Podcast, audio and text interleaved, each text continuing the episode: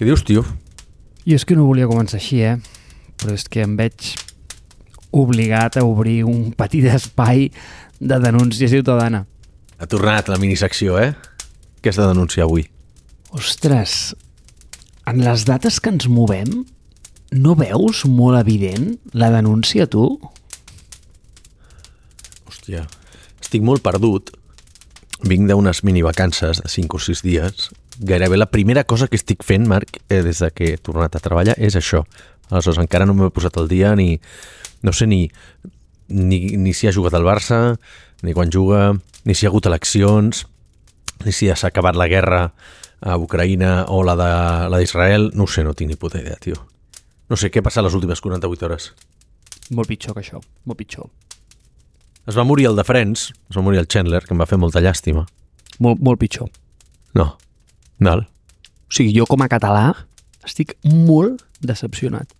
M'explico. Val, tu diràs.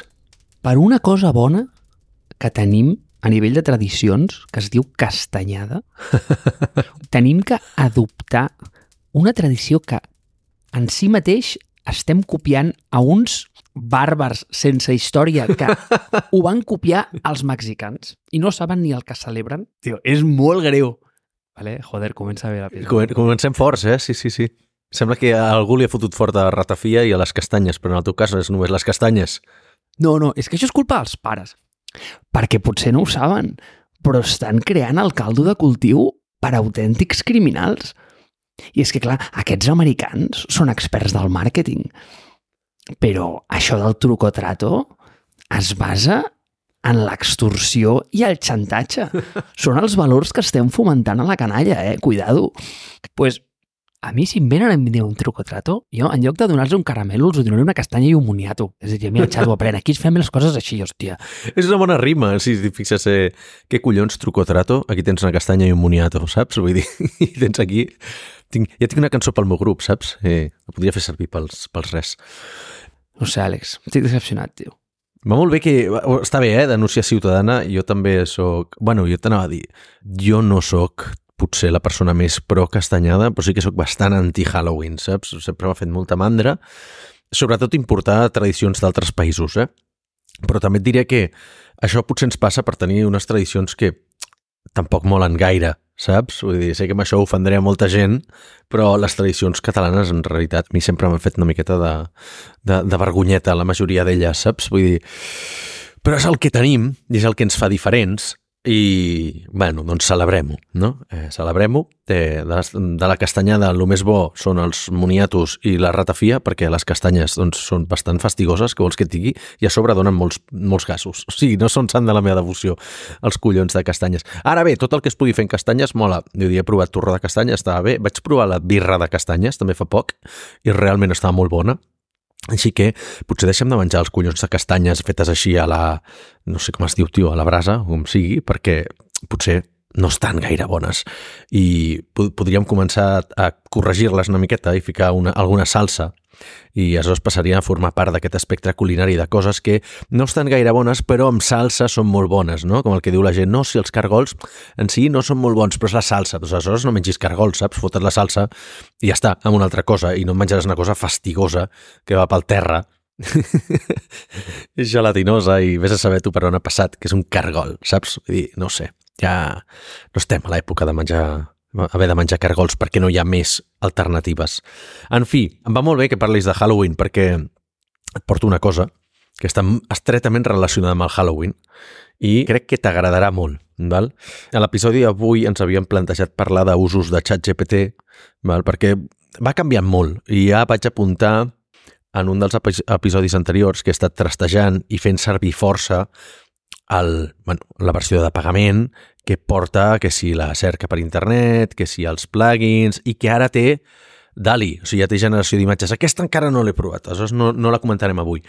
Però, en el context d'aquest episodi, ha passat una cosa bastant interessant aquest cap de setmana del... Bueno, no sé, suposo que he conegut, no sé si és amic teu o no, però el Javi López, el coneixes, el que va ser el fundador d'Erasmus, que va vendre, ai, ara, ara patinaré, a Spotahome, que ha estat molt actiu aquest últim any i mig, en, o gairebé ja dos anys, amb temes d'intel·ligència artificial generativa, bueno, saps? Vull dir, tot compartint tots els, les, les imatges que fa i de guia, de prompts per Midjourney, per lo que tu vulguis i, bueno, és interessant, saps? Eh, lluny d'haver-se convertit en un threadboid perquè pues, té, té ànima, el Javi, la veritat és que ha, ha fet coses molt interessants i s'ha associat amb el seu ex-cofundador, amb l'Emilio, em sembla que es deia, i han, han tret una còpia d'Angry Birds versió Halloween 100% generada, generada amb intel·ligència artificial.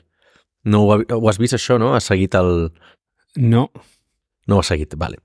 Doncs la, pre la premissa era aquesta, és haver de fer un joc 100% generat amb intel·ligència artificial, val? i aleshores ho posarem a, la, a les notes, però crec que és molt xulo, es diu Angry Pumpkins, o sigui, clarament és una còpia, eh, et passo el, et passo l'enllaç i tot això, però vamos, han publicat el codi, o sigui, el codi és 100% generat amb intel·ligència artificial, mm, comparteix, el Javi comparteix també la conversa que ha tingut amb ChatGPT per ajudar-li a escriure tot aquest codi, refinar-lo, o sigui, com, com li anava demanant les funcionalitats que havia de tenir el codi i com havia de resoldre també doncs, el, ja no ineficiència, sinó doncs, els, els bugs que tenia el codi, sí, copiant i enganxant i codi amunt, codi avall i ara vull això i inclús tots els detalls, eh? o sigui, s'ha currat aquí també un sistema de partícules per les col·lisions, eh, si realment el codi està molt ben parit, la gent ho està flipant bastant, els, la gent que ha estat, va estar involucrada en Angry Birds diuen,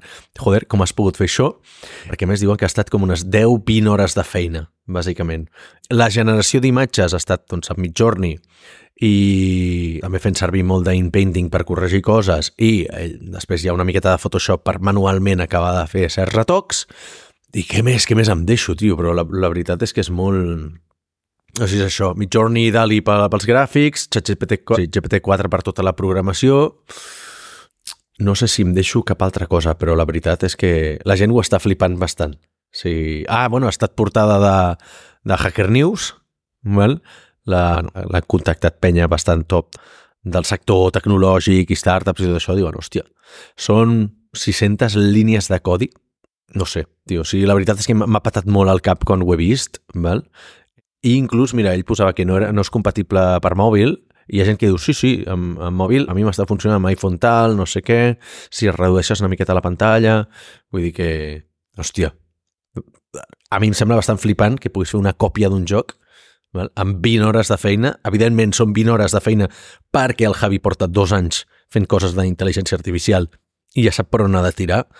Tu i jo, si ens hi posem en 20 hores, no faríem una còpia del Tetris, ja t'ho dic jo, però i menys perquè hi ha temes de disseny gràfic i tot això, que, bueno, doncs jo sóc molt patat amb aquests temes, però mira, et passo l'enllaç per si vols obrir-lo, vols, vols mirar-lo, perquè a mi em sembla una cosa al·lucinant. O sigui, no me les donaré de que els meus usos són tan sofisticats, ni molt menys, però quan veig aquests projectes tan grans prediquen que han estat fabricats enterament amb o amb l'ajuda d'intel·ligència artificial, jo sempre em pregunto per on comences. O sigui, perquè clar, el producte acabat el tens molt clar, però tu saps que el, el prompt no pot ser fes-me una còpia de l'Angry Birds amb una temàtica de Halloween, sinó que has de saber per on començar i, i és a dir, com tirar la, la primera línia de codi d'alguna manera.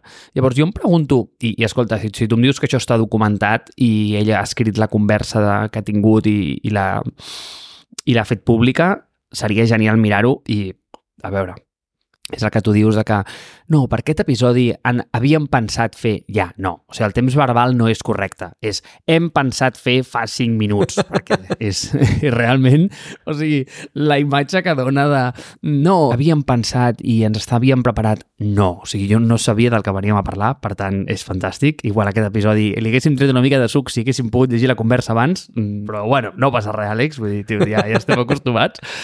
Llavors, em té molt captivat això. O sigui, els usos que jo li dono són bastant evidents i, i són coses que eh, poden semblar més o menys simpàtiques, però que es poden resumir en quatre o cinc línies. Vull dir, no, no, no, no em cal entrenar-lo o impersonificar-lo d'una manera... Però estem parlant de crear un producte acabat, has de saber per on començar. I és el que em fa una mica de por, de dir, vale, si has de saber per on començar, saps a on vols acabar. Per tant, tens que tenir una mica de context o coneixement sobre el producte que vols acabar tenint, perquè si no, crec que es fa molt difícil. És a dir, si tu em dius, vale, molt bé, anem a crear Angry Bird, et diria, vale, anem a crear-lo, però realment no tinc molt clar l'outcome que vull. Val, mira, a no gaire distància, la setmana passada vaig fer un miniprojecte jo per mi, val? perquè com que tinc la frustració aquesta des de fa gairebé 10 anys que he abandonat la programació i m'agradaria reprendre-ho perquè doncs, d'alguna manera t'ajuda a tenir un cervell molt més plàstic i, i estar també al tanto de les, de les tecnologies i les tendències d'avui en dia també m'ajuda a mi a nivell empresarial, vaig decidir fer un petit projecte. Val? O sigui, és una autèntica merdeta per qui, per qui estigui programant en el dia a dia, però per gent que porta 10 anys sense programar, doncs igual és interessant. Tu saps que jo faig servir Raycast com a substitut de l'Spotlight de, del Mac, i Raycast doncs, té una sèrie de funcionalitats. I tu li pots uns plugins i vaig dir, collons, vaig a fer-me un plugin, perquè jo abans feia servir Alfred, i amb Alfred tenia un plugin molt maco que s'integrava amb Time, que és la meva eina de, de, de time tracking, i Raycast no la té, val? I què passa? Vaig dir, dic, hòstia, doncs vaig a replicar això, no?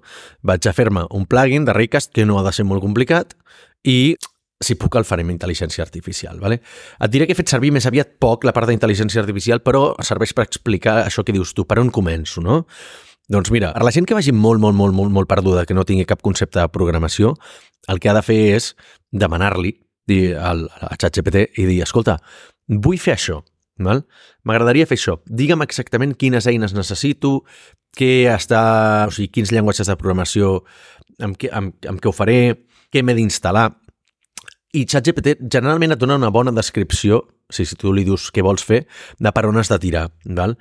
Compteu que eh, ChatGPT, eh, sabem això, no? que està capat fins al 2021, per tant, coses posteriors a 2021, generalment tot el que necessitaràs va, va ser inventat abans de 2021. Val? No faràs una aplicació per, al, per, al, per les ulleres aquestes d'Apple, però si el que vols fer és una aplicació mòbil o una web, doncs està bastant bé. I aleshores et fa un llistat, val? tu li pots dir, pots anar calibrant i dir-li, escolta, sóc més o menys expert o no tinc ni idea, no sé què és Visual Studio Code, no sé què és un llenguatge de programació i que et vagi explicant. Val? Fins aquí està bé.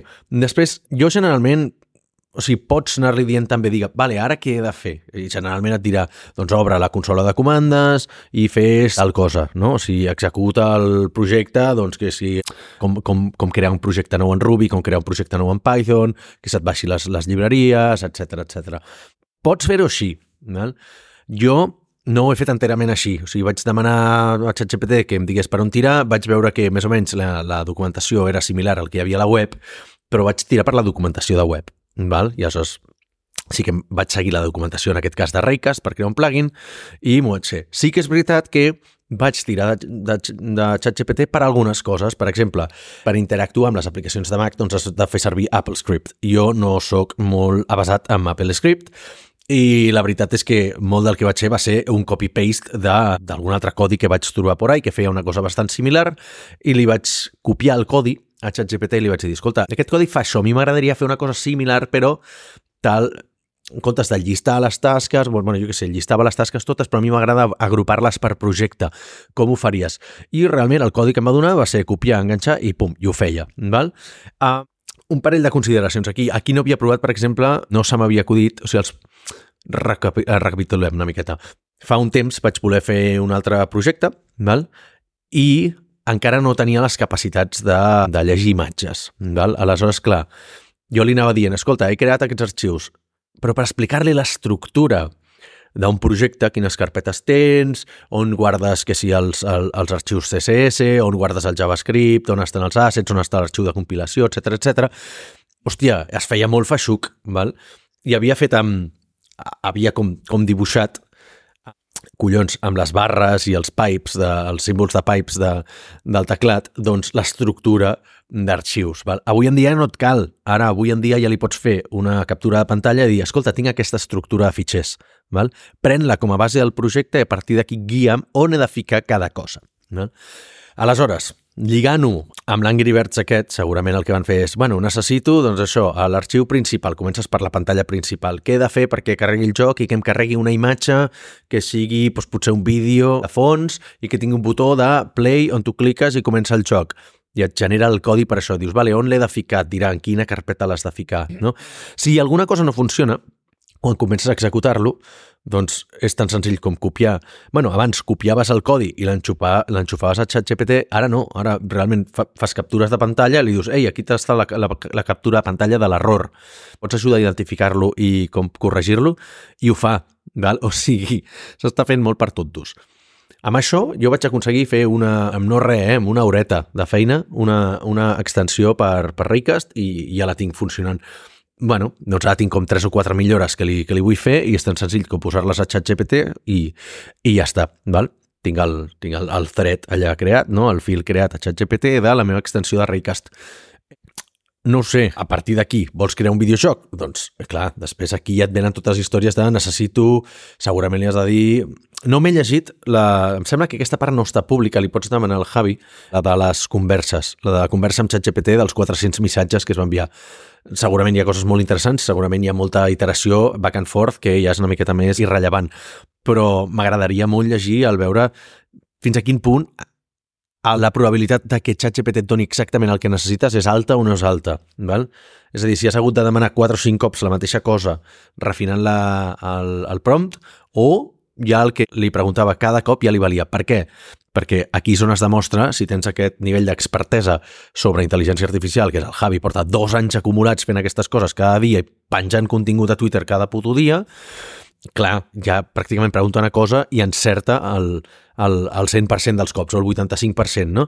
Una persona com tu com jo, que tenim un ús moderat de ChatGPT, encertaríem el 50%. Però una persona que comença des de zero, no, o sigui, tindria un hit rate de zero, val? O sigui, seria impossible.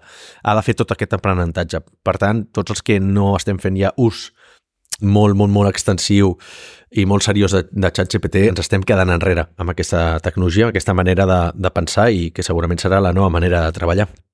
Ah, no, això t'ho compro absolutament. O sigui, i ja crec que has donat amb la paraula, és una nova manera de treballar i pensar. I a mi, aquestes eines et diria que són dels productes que més m'han canviat la meva manera de pensar i treballar. I fins a cert punt m'han fet inclús una mica més insegur, en el sentit de que, no sé si insegur, però és aquesta idea de que no et fies de res del que tu fas perquè com que saps que ell ho farà millor, sempre li preguntes per si de cas. I inclús escrivint en català, eh? Perquè, mira, i et donaré una idea sobre això. A mi sempre m'ha semblat com que les coses xules sempre passen en els extrems i igual aquest és el motiu pel qual la meva vida és una puta muntanya russa, eh? però, però sempre m'ha pensat com que les coses guapes passen a les puntes, no? Llavors, què passa, per exemple? Pues si et fixes en ChatGPT, passa alguna semblant, i, i, i m'explico. El model més ràpid i més directe, que quasi a nivell d'usabilitat sembla una cerca Google, és fer servir el bàsic, el, el GPT 3.5 i el més complex i el que a vegades dona respostes inclús més sofisticades del que necessites és el 4. Llavors, una bona manera d'interactuar amb ChatGPT, per exemple, és... Jo ho faig així, eh? No és que vulgui prescriure cap tipus d'ús, però a mi em funciona molt bé. Si utilitzes un Mac, pots crear un Siri Shortcut d'aquests que realment tira de l'API de ChatGPT i et crea un prompt directe. En el meu cas és comando K. Vale? Quan, quan faig comando K sempre apareix aquest, aquest prompt. I perdona, no és comando, option, perquè comando K moltes vegades fa link. Llavors, què, què faig? Pues tiro amb la meva API key de, de ChatGPT contra el de 3.5. Llavors, aquest és molt ràpid. Llavors, què li passo en aquest? Pues, generalment li passo, pues, tio, text que vull que em corregeixi, coses que vull traduir, coses que li dic, mira, desenvolupa'm això, o, o jo què sé. Tonteries d'aquestes ràpides, però el que, el que necessites... Saps aquella idea que diuen que la millor càmera no és la mirrorless de la hòstia Sony últim model que han tret, sinó que és la que sempre ve amb tu, és a dir, el mòbil? pues això és el mateix, no? Tio, el millor de ChatGPT és aquell que tens a un clic de teclat, no? Llavors, comando K, hòstia, pam, ho tinc allà. I, i, i ho faig servir per tot. Li dono un ús acollonant. Ho fas servir a través de la teva API key i ja està. I, I així no tens ni que anar a la web ni que tens que fer res, no? I sé que hi ha mil productes que ho fan d'una manera molt semblant i segur que hi ha aplicacions com aquesta de Mac GPT, que és el mateix, no? Que vull dir que et dona un, un comando, però al final tiren del mateix. És una trucada a una API amb la teva key. És que no té res, bàsicament. Ho, ho pots fabricar tu amb un shortcut d'aquests. I llavors l'altre, a l'altra banda de l'espectre, està com les coses complexes. I el que tu dius, no? I les converses que tens amb, amb aquest tipus de productes i sobretot la versatilitat que et dona de si ets un usuari de pago tinguis en un mateix prompt, doncs, escolta, puguis fer cerques, puguis demanar-li que et generi imatges. Per cert, el tema de les imatges amb xat GPT-4 és la hòstia. O sigui, DALI 3 és la hòstia, perquè abans quin era el problema? I, I tornem una mica amb el codi. Si tu no saps què demanar-li, és molt difícil que et generi el que tu vols. I què passa? Que moltes vegades el llenguatge il·lustratiu se'ns escapa, perquè jo no sé si una cosa té un estil cinematogràfic, amb una llum natural, amb una exposició de no sé què... Vull dir, és que se m'escapa, és que no tinc el vocabulari per demanar les coses que vull. O sigui, jo en el meu cap m'imagino una cosa, però després no, no sé dir-li vull això. Saps? Dius, soc, soc com un nen petit que plora, però no sap si té gana o vol cagar, saps? Doncs pues sóc el mateix. Llavors, una de les coses bones que té l'I3 és que tu li passes el prompt, però ell no t'agafa aquell prompt, cosa que és curiós, sinó que allò ho agafa com a proxy per a desenvolupar-te un prompt que realment és el que tu vols. I llavors tu escriu, et diu, mira, he demanat això i això t'agrada o no t'agrada. I llavors, si tu vols, el que pots fer és copiar-ho i modificar-ho a través d'allà. Però clar, lo fort és que posa unes paraules a la teva boca que mai a la teva vida t'hagués pogut imaginar. O sigui, si tu li dius, escolta, em pots donar com un logo així una mica retro, vintage, que no sé què? I diu, sí. I diu, mira, et passo quatre propostes. Diu, aquesta l'he fet així, aquesta així, aquesta així i aquesta així. I llavors dius, ah, i llavors és com jugar amb Midjourney. No te'n recordes d'aquesta gent que, bueno, jo ho feia molt, que anava a Midjourney i jo, jo anava a mirar o sigui, però vull dir, anar a aprendre, o sigui, anar a mirar les converses que la penya tenia en mitjorni per, per entendre el vocabulari, perquè no tenien ni idea de, de, de què dir-li. O sigui, jo no sabia si volia un estil... Que és que no sé ni els noms que es donen en aquestes coses, perquè és que se m'escapa absolutament. Tu anaves a fer de boyer de, d'intel·ligència artificial. No, jo no anava tant a mirar, però sí que és veritat que hi ha molt el que dèiem abans, no? prova i error. Aleshores, el mateix que el Javi López ha aconseguit amb aquest joc, perquè ho ha aconseguit només amb 10-20 hores i 400 interaccions amb ChatGPT, una persona que no té dos anys d'ús diari d'aquestes eines, segurament li portarà 10 cops més i trigarà 100 hores i trigarà, doncs, no sé, fotrà 4.000 intercanvis amb, amb ChatGPT, no? Aleshores, tu vas fer aquest aprenentatge, jo el vaig fer només amb força bruta, i quan, quan vaig començar Midjourney vaig començar relativament tard a ficar-me a generar imatges doncs, pel blog de Mars Based, per exemple, i, i les presentacions corporatives, i aprens relativament ràpid. O sigui, els primers imatges són un trunyo i després ja sí que vas veient que hi ha certes coses. No m'he posat tampoc molt a, a manipular paràmetres i a l'ordre de les coses i aquest nivell de refinament que havia arribat molta gent i que segurament va canviant de versió a versió. M'agrada el concepte aquest que et diguin sí, està molt bé això que em poses, però generalment tu voldries dir aquestes altres dos.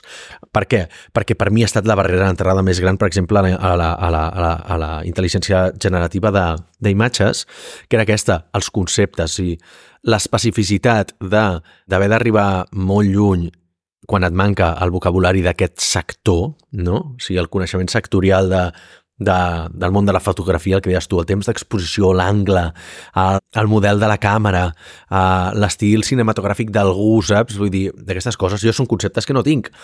I ens fa ens limita molt, no? Aleshores, si ja et pot treure aquesta, aquesta, aquest, no sé, aquesta peça de l'equació, seria bé. Una altra manera, segurament, i donat que Midjourney Posting Painting és probable, i això no ho he fet, és un experiment que, que m'agradaria fer, és el de tu ja li passes una imatge, li dius quin prompt necessitaria per generar aquesta imatge, val? que et doni el prompt, i llavors tu això ja, aquest prompt ja el modifiques i el poses allà, val? per fer una imatge similar. M'explico, tu has fet una imatge de tu fent el tonto amb la torre de Pisa, i el que vols és exactament el mateix, però en comptes que la torre de Pisa sigui doncs, un, una muntanya de pizzas, doncs està, dius, mira, vull aquesta imatge, però M'agradaria que donis el prompt per tal que quan el generi surti una muntanya de pizzas i no la torre de Pisa. Què hauria de fer val? per posar-ho a mitjorn i segurament funcioni. No ho he provat, és la part que ara, com que està des de fa poc, el tema de Dali a mi m'ha aparegut la setmana passada i jo he estat de vacances, doncs no ho he tingut temps de provar, però m'agradaria molt perquè potser així puc acabar amb la meva limitació de que sóc un complet inútil edició gràfica val? i poder ja fer certes coses amb independència i no haver de demanar ajuda als meus amics dissenyadors cada dos per tres, doncs eh, m'aniria bastant bé. Sí, i un altre que també està molt bé, sobretot en la generació d'imatges, perquè és el que et deia, crec que ha... Si preguntes a GPT 3.5, la resposta és pràcticament immediata. Vull dir, crec que no hi ha diferència entre això i una cerca de Google, encara que la tecnologia que fa servir per darrere per utilitzar-la és molt diferent, però ha el retorn de dades és pràcticament imperceptible, vull dir, és rapidíssim. Però, en canvi, la generació d'imatges sí que és cert que encara et consumeix moltíssims recursos. Jo, una de les coses que a mi m'ha canviat molt ha estat el de muntar-me els models en local.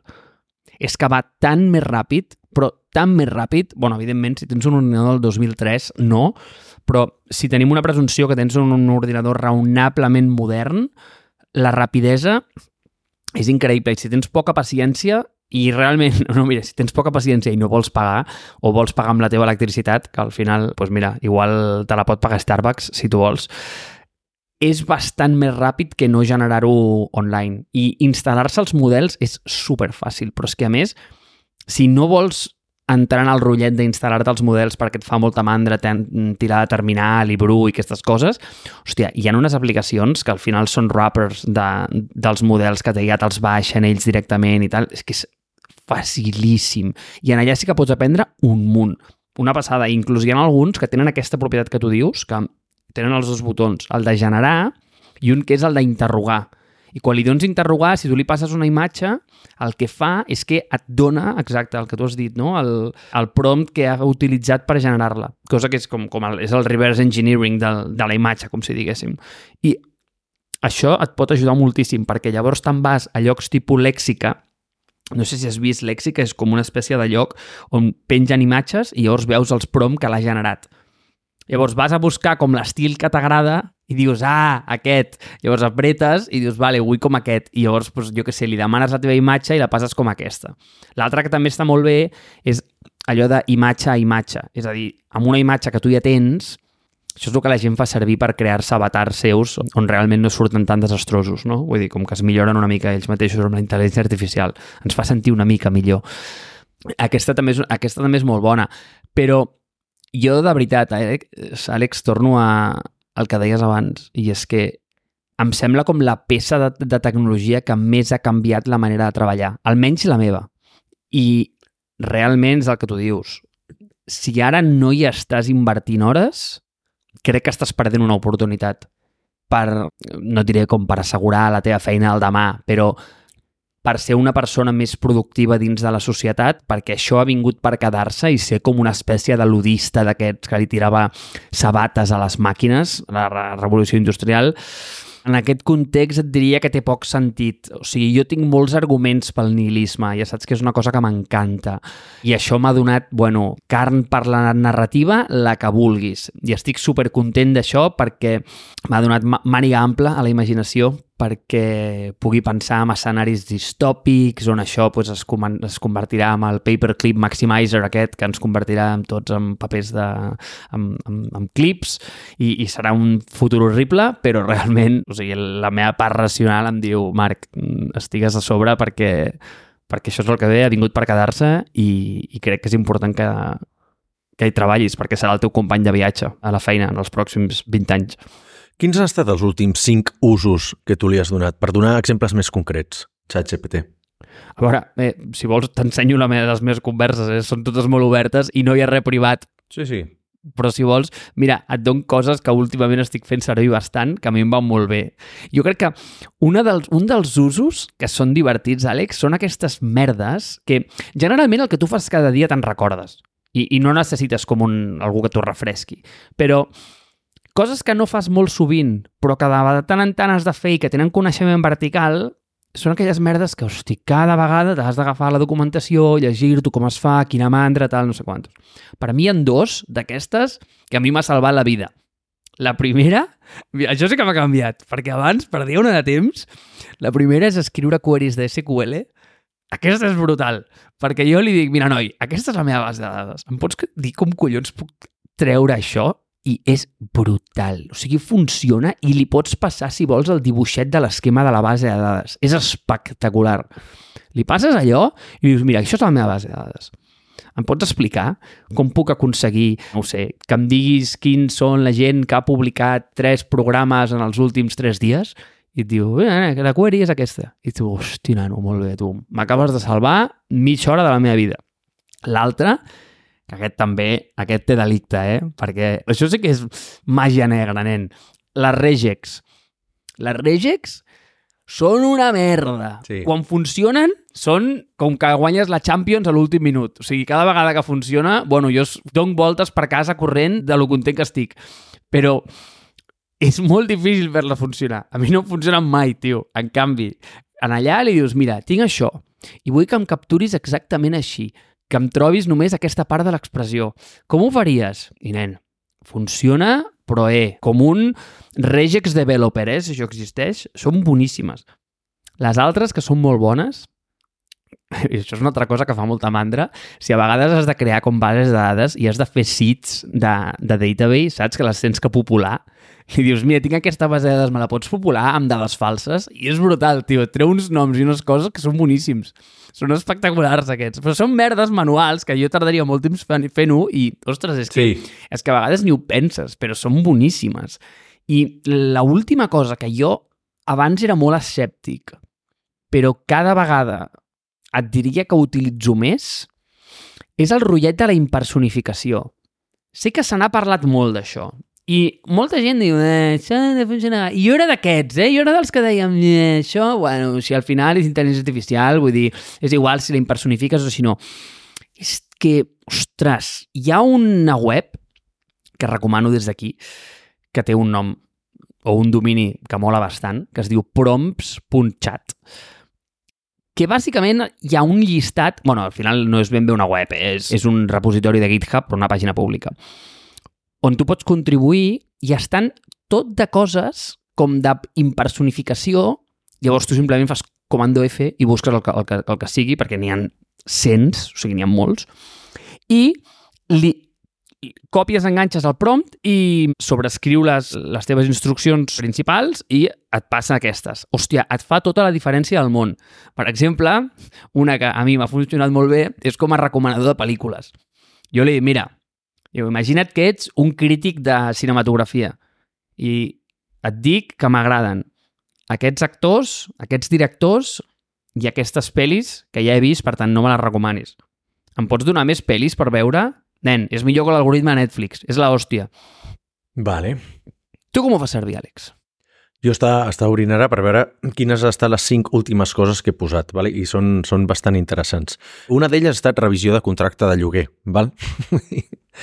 el, tema de, el tema de contractes, tot i que sempre et posa com el, a l'avís aquest de soc una intel·ligència artificial, per tant no t'hauries de fiar de mi i no, això no és consell legal i no sé què, no sé quantos, va molt bé per quan per, per identificar clàusules no estàndards en els contractes, no? Diu, per exemple, si poses un, un contracte de confidencialitat, generalment la gent se sol passar, no? Et poden fotre, jo què sé, 7 anys o 10 anys de, de, de mantenir el secret industrial. Dius, no, a veure, això generalment l'estàndard està entre 3 i 5 anys, 10 anys seria passar-se. Val? Hòstia, doncs igual se't passa per alt això, perquè veus que és una clàusula que és estàndard, però el número no ho és, no? Aleshores, això ho trobo, ho trobo molt útil. I ara, doncs, doncs, sol passar els contractes per allà. Evidentment que si hi ha alguna cosa molt més totxa ho passaré pels advocats, no? però només per les petites cosetes aquestes que ja, ja m'estalvia, potser amb un, no sé, un percentatge significatiu dels casos de, de, de o sigui, estalvia el, el passar pels advocats, ja no pel cost que té, sinó pel, pel temps que triguen, no? que pot ser que triguin un dia a donar-te una resposta i vols tenir la resposta avui. Doncs ja va bé, no? O si ja et diu, no, mira, aquest contracte està bé. Hem de tenir en compte que sempre hi ha el tema d'al·lucinacions i jo m'ho reviso igualment, val? però el que diuen que mm, quatre ulls veuen millor que dos, doncs, doncs amb això ja ho aplica, saps? No necessites aquesta altra persona, ja pot ser tu mateix, ja pot ser que algú et revisi la feina. Una que no em va funcionar però jo crec que era perquè estava en mòbil i no devia tenir les opcions configurades, és vaig intentar fer trampes, un joc que estava jugant la meva parella, que estava jugant al Rummikub. No havia jugat mai i se'm va anar un moment al lavabo, aleshores vaig fer una foto a la partida i la vaig pujar i vaig dir, dic, dic considera que jo tinc aquestes fitxes i aquest és l'estat de la partida. Em pots donar el següent pas per fer? Perquè a més estàvem bevent moltes birres i em portava moltes i dic, hòstia, és que no estic veient el següent pas, no? Però no va funcionar. Per algú no devia seleccionar bé l'opció de... Bueno, vaig posar el data analysis, però no, per algú no va llegir la imatge, i, però hauria estat un bon, un bon cas d'ús, saps? Digue'm el següent pas que, que he de fer aquí, perquè més és el primer cop que jugava, no?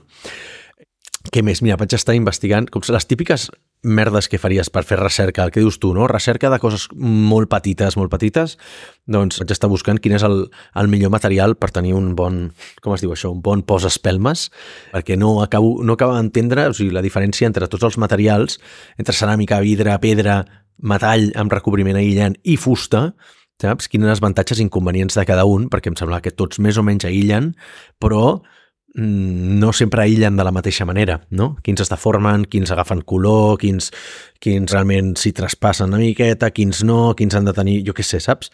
Són collonades d'aquestes del dia a dia, però, però van bé poder-les tenir aquí i vas molt més ràpid que no, perquè et fa una agregació de contingut rellevant del que donaria una recerca de Google, no? Tinc per aquí també, sí, intentar, vaig estar devogant una instal·lació de Node.js per un, per un programa que volia fer Hòstia, realment hi ha coses molt... Abans de que entris en les coses que no es poden explicar, tranquil que et salvo. Perquè n'has comentat tres. Sí. La primera, has dit el resum del contracte, jo fa molt poc el vaig fer servir també i em va anar no saps de quina manera, sí. per resumir una llei americana, perquè bueno, estem fent una nova, funció, una nova funcionalitat per RCS i eh, l'afectava el Credit Card Act del 2009. Well. Clar, a veure, a mi em van passar el link aquest i era una web infumable. Bàsicament, o sigui, una web sense CSS, o sigui, tot era text, era com un text escrit amb una màquina d'escriure dels 80, d'aquelles de Mad Men, i hi havia com mils de paraules i jo em vaig assustar perquè no entenia, o sigui, ni el títol. I li vaig dir, escolta, guapo, em pots explicar mm, quines implicacions té això per aquest producte que estic fent? Sí. I nen, una resposta, tu, que era per copiar i pegar Slack, eh? Directe. Aquesta és la primera. La segona que has dit dels jocs, saps quina li he trobat jo que és molt bona? A mi m'agrada molt jugar escacs. I a vegades, per fer anàlisis de partides, que a chess.com, si tens el plan que jo tinc, que jo pago el baratet, només que treu els anuncis i tal, només pots fer un game review per dia, Val. el que fas és que li passes la partida i li dius, escolta, nen, analitza'm aquesta partida, explica'm aquí on l'he cagat, quins són els meus moviments, això és brutal. I, per cert, per fer trampes, això és la hòstia, perquè tu, bàsicament, li vas passant els moviments del teu oponent i li dius, vinga, ves-me dient quins són els meus moviments per, per aquesta partida. I tens la partida resolta, cosa que em sembla bastant animal. Però bueno, espero que la gent no ho faci i no ho descobreixi. Exacte, Sí. exacte, exacte. No, home, no, pel, pel tema del, dels jocs està clar. Mira, de fet, aquest del contracte era justament el que volia comentar jo, perquè ens va arribar un, un, un projecte, una proposta de projecte per Marspace, que era algú que necessitava una certificació, com una auditoria per complir amb una, amb una regulació sobre el tema de les factures digitals i els tiquets, digitalitzar els tiquets de compra i, i els rebuts, no? I aleshores necessitava que nosaltres auditéssim això. I va, i aquesta persona em passa el BOE, saps? 70.000 pàgines del pal. És, és això d'aquí. Dic, hòstia, vale, és això d'aquí. Dic, m'hauré de llegir, saps? Vaig trobar la part on explicava això i vaig dir, buah, estic super espès. Avui estic super espès. A les 9 del matí probablement ho hauríem entès, però a les 7 de la tarda ja no. I vaig dir, mira, s'ho passo per ChatGPT. I aleshores ja ens va venir, em va venir a donar el, tot el que necessitava saber i dic, ah, vale, és una cosa que podem fer, no?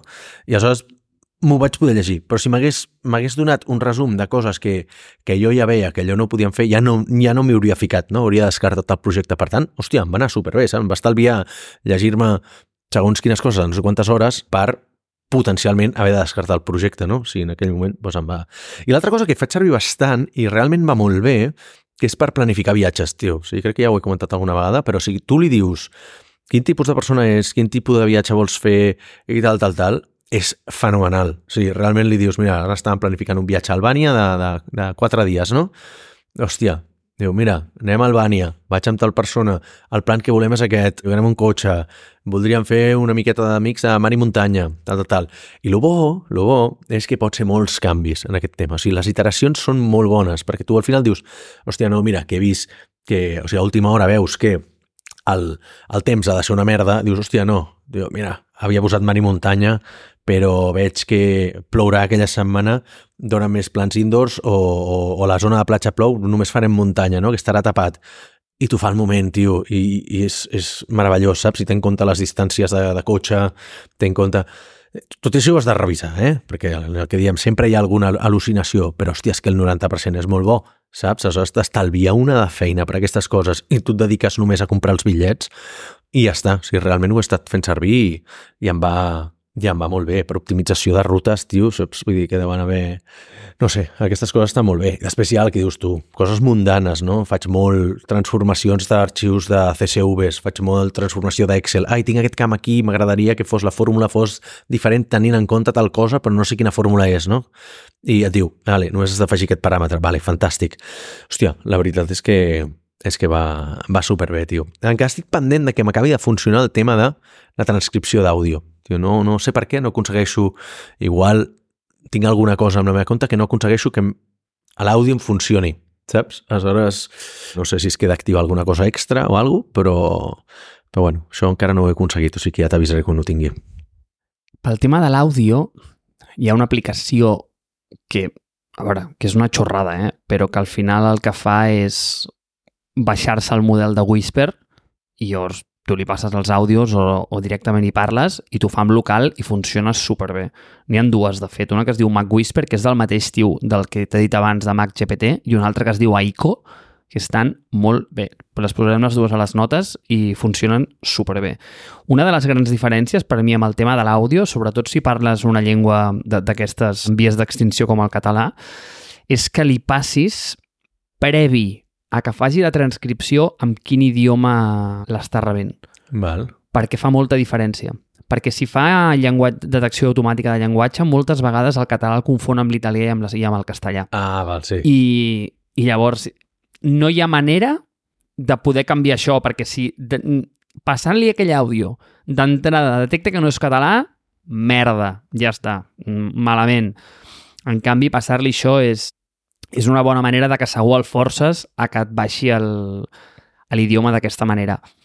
A mi, una de les coses que em té captivat, diguem, és que és una d'aquestes tecnologies que veus que no està en la fase com incremental, sinó que realment et sorprèn molt els canvis a la velocitat que estan evolucionant. O sigui, per exemple, no és com, anem a dir, a l'ordinador portàtil, que faves comptades, cada cop és el que dèiem abans, no? cada cop veus que el factor forma està estabilitzat i, ha, i té una convergència, doncs això, una pantalla, un teclat, el que vulguis. Que per cert, no sé si saps que abans d'ahir va haver-hi una venda d'Apple, però bueno, no t'ho vaig voler comentar perquè... Sí, sí, sí, sí si vols. Bueno, en, en un minut vols comentar alguna cosa. Sé que han tret un Mac negre, finalment, i... però no sé, no sé molt més tampoc. Ah, no, no has de saber res més. És que van treure un Mac negre que és super guapo, que val una pasta i ja està. O sigui, és bàsicament el que has de saber. Llavors, si t'agrada molt el negre i tens molts diners, jo recomano que el compris, perquè és un Mac negre i mola molt negre, sí. però, en fi, són problemes del primer món. Però torno a lo que anava abans que això, fins aquí la nostra eh, cobertura de la venda d'Apple de 25 segons. Jo crec que bé, eh? Jo crec que bé. Fantàstic. Doncs escolta, jo no... De, de fet, no, no, et sabria dir, no et sabria dir molt més sobre, sobre l'esdeveniment d'Apple i no sé si... Però si creus que mereix un episodi, ja saps que tenim molt alegre l'audiència quan, quan fem seguiments als esdeveniments d'Apple. És que el que mereix un, un episodi d'aquest esdeveniment d'Apple no és l'esdeveniment en si, sinó és el que ha tingut que passar en el fab de, de chips per aconseguir els M3, aquests de 3 nanòmetres, no sé com es diuen, nanòmet nanòmetres? Nanòmetres? Nanòmetres. Sí, no? Nanòmetres. Nanòmetres. Nan- Nanòmetres, no ho sé. Pues, No, de- Nanòmetre. per aconseguir aqu aquesta família de xips de 3 nanòmetres, val? han tingut que fer servir un procés absolutament diferent del que van emplear per fer el xip A17 Pro, que és el que porta l'iPhone, que va ser el primer de 3 nanòmetres, i han tingut que canviar absolutament la manera de fer-ho, el fabbing del, del xip, i això mereix en si una, un episodi que no farem perquè no li importa a ningú, d'acord? Però jo el faré per mi mateix, aquest episodi. Me'l faré jo. Doncs em sembla fantàstic. Vale. Un dia, un dia que jo estigui de ressaca i així no he de parlar, saps? Ja està. Sí. Ah, no, jo havia pensat algo més eh, mundano. És que jo per la nit, pues res, tio, em posi davant de l'ordinador jo sol i, i em posi a gravar jo, saps? Vull dir, faré l'episodi que no publicarem mai. Ja està. El transcriuré per, per llegir-lo, ja està. No, home, no. Jo crec que estaria bé fer-lo. si vols el fem. Mira, el dia que tinguis molta ressaca, si vols t'ho explico. És superinteressant, en sèrio, eh? Doncs ja ho saps. Jo per mi, quan tu vulguis.